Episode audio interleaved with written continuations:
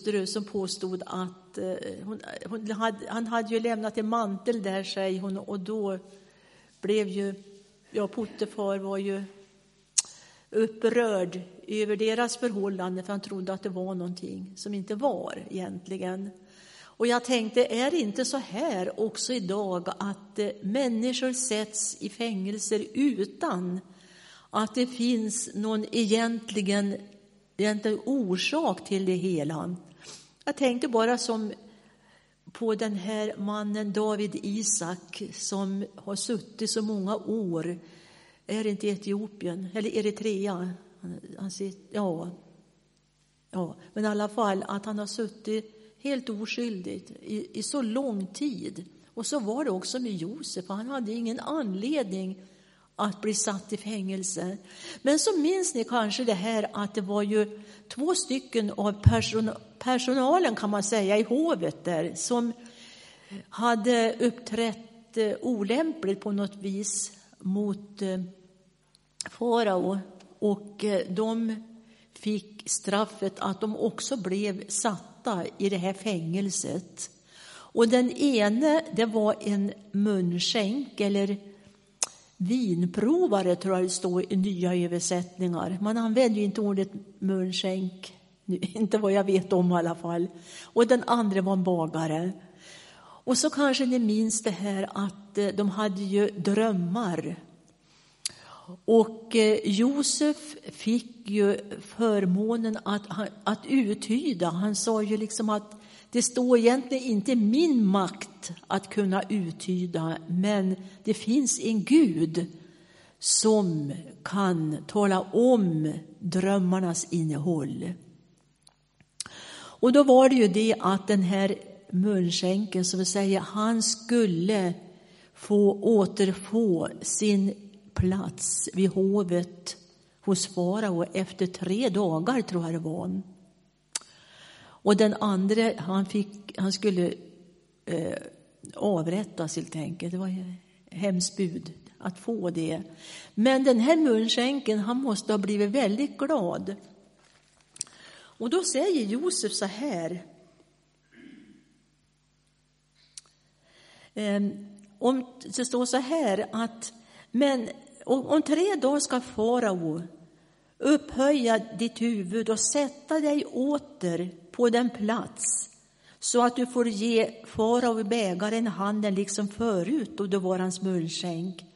Och så säger jag, men tänk på mig när det går dig väl så att du gör barmhärtighet med mig och nämner om mig för farao och ordnar så att jag kommer ut från detta hus Ty jag är med orätt bortförd ifrån hebreernas land och inte heller här har jag gjort något varför jag borde sättas i fängelse. Ja, men i alla fall så blev det ju så här att den här mannen, den här munskänken, han fick ju återgå till sin tjänst. Men då står det att eh, den här överste munskänken, han tänkte inte på Josef, utan han glömde honom.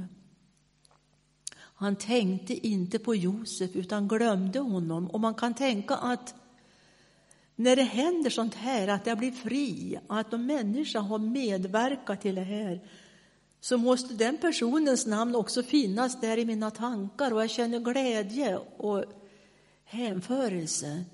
Men det stod att han glömde Josef. Och om vi stoppar upp lite där och tänker på vad, hur kunde Josef uppfatta allt det här? Att han blev glömd. Han hade liksom hoppats på den här mannen. Han var som en livlina. Han tänkte nu händer det någonting. Ni vet ibland så finns det nyckelpersoner som har betydelse för oss att nu kommer det att hända någonting här. Nu dröjer det nog inte många dagar förrän portarna öppnas för mig så att jag blir fri. Men det var inte så. Han hade glömt bort honom helt och hållet. Och det gick månader, det gick ett år. Och det gick två år. Och så småningom då så berättas det om hur han så småningom inför farao nämnde om den här hebreiske mannen som kunde uttyda drömmar. Men det var efter flera års tid. Men då vill jag säga så här, jag tänkte på det här och så tänker jag på att det finns en, jag, jag nämnde om här att jag tänkte på elever ibland, men det finns en som har stora tankar för oss människor. Och som har haft det ända sedan, ja innan jorden skapades, innan den här världen tillkom till och med, står det. Och det är Gud som hade tankar för människan.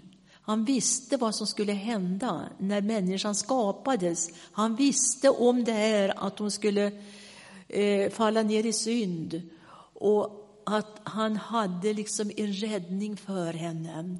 Och de, den här tanken, jag upplever att den här tanken hos Gud, den var så genomsyrad av kärlek. Jag kan inte se det annat än att det var en att den var eh, genomsyrad av Guds kärlek. Och den där tanken, den mognade och växte. Och så en dag så var det så att den mynnade ut i att Jesus kom till oss som en räddning. Så att den tog sig konkreta uttryck. Tanken formades, eller utvecklades till handling kan man säga, när Jesus kom ibland oss. Och jag vill säga ifrån den här dagen, ifrån den här samlingen att eh, jag har ju nämnt här om elever som har kommit och man försöker stötta och hjälpa, så, men den verkliga livlinan som Josef hade trott att den här munskänken var, den verkliga livlinan för oss, det är Jesus. Han är den som vi får lita till, som vi får komma till och som ger räddning och frälsning och hjälp. Jag tycker det är ju fantastiskt att han är den verkliga livlinan och han glömmer inte någon enda utav oss utan han har rum för alla. Det fascinerar mig så. Jag läste för några dagar sedan om i Johannes 1 så står det om eh, Natanael och Filippos. Hur Filippos sökte upp Natanael för att de skulle gå till Jesus och följa honom. Och då står det så här att då säger Natanael, vi säger Jesus så här, Jesus såg Natanael komma och sa, där är en sann israelit, en som är utan svek. Natanael frågade, hur kan du känna mig? Jesus svarade, innan Filippus ropade på dig såg jag dig under fikonträdet. Natanael svarade, Rabbi, du är Guds son, du är Israels konung. Då sa Jesus till honom, du tror därför att jag sa att jag såg dig under fikonträdet. Det här är så stort tycker jag, därför att man ser det här att Jesus, han har tankar för oss enskilda. Han har planer för oss var och en. Och det här blir så stort när man ser, man, man såg här nu att han hade sett den här mannen under fikonträdet och han tänkte hur kunde Jesus spana in mig? Men Jesus han var intresserad och han ville att han skulle följa honom. Så att det här är, tror jag, det är liksom det är ju viktigt och det har jag försökt att säga också här före kaffet att det här personliga, det betyder så väldigt mycket. Att någon kommer ihåg mig, att någon tänkte på mig, att det var någon som ville hjälpa mig med det eller det, eller hade någonting att ge råd i, eller någon som liksom kan ställa upp så det blir personligt. Det är oerhört viktigt egentligen idag när det blir det här personliga. För vi ses många gånger som en massa, ett kollektiv, en stor grupp människor. Men Jesus är intresserad av den enskilde och han har stora tankar för oss.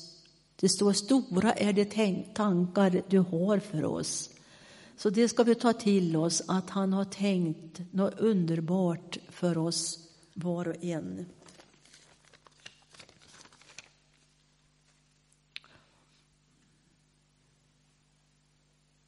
Ja, det här var liksom lite grann tankar om det här och att jag ville föra fram det här att Gud glömmer ingen utav oss. Han sviker inte. Han ställer upp på det han har lovat att frälsa. Och det står i Galaterbrevet också att så här att um, Galaterbrevet 1, nu tog jag fel här kanske.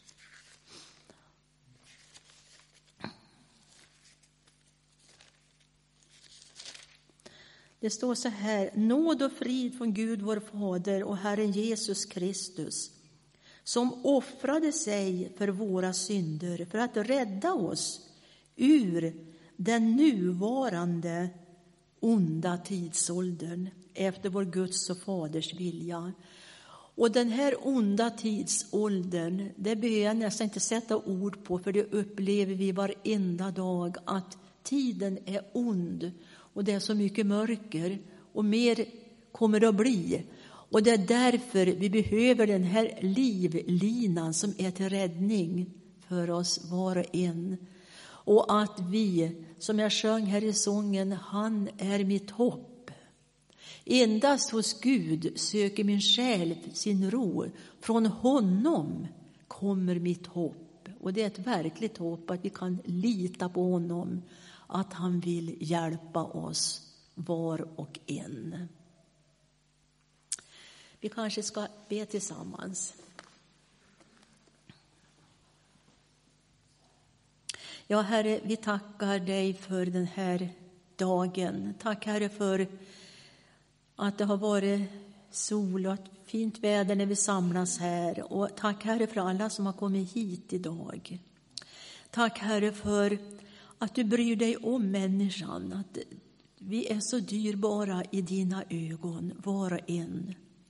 Och du har så stora tankar för oss och du vill hjälpa oss och leda oss om vi vänder oss till dig.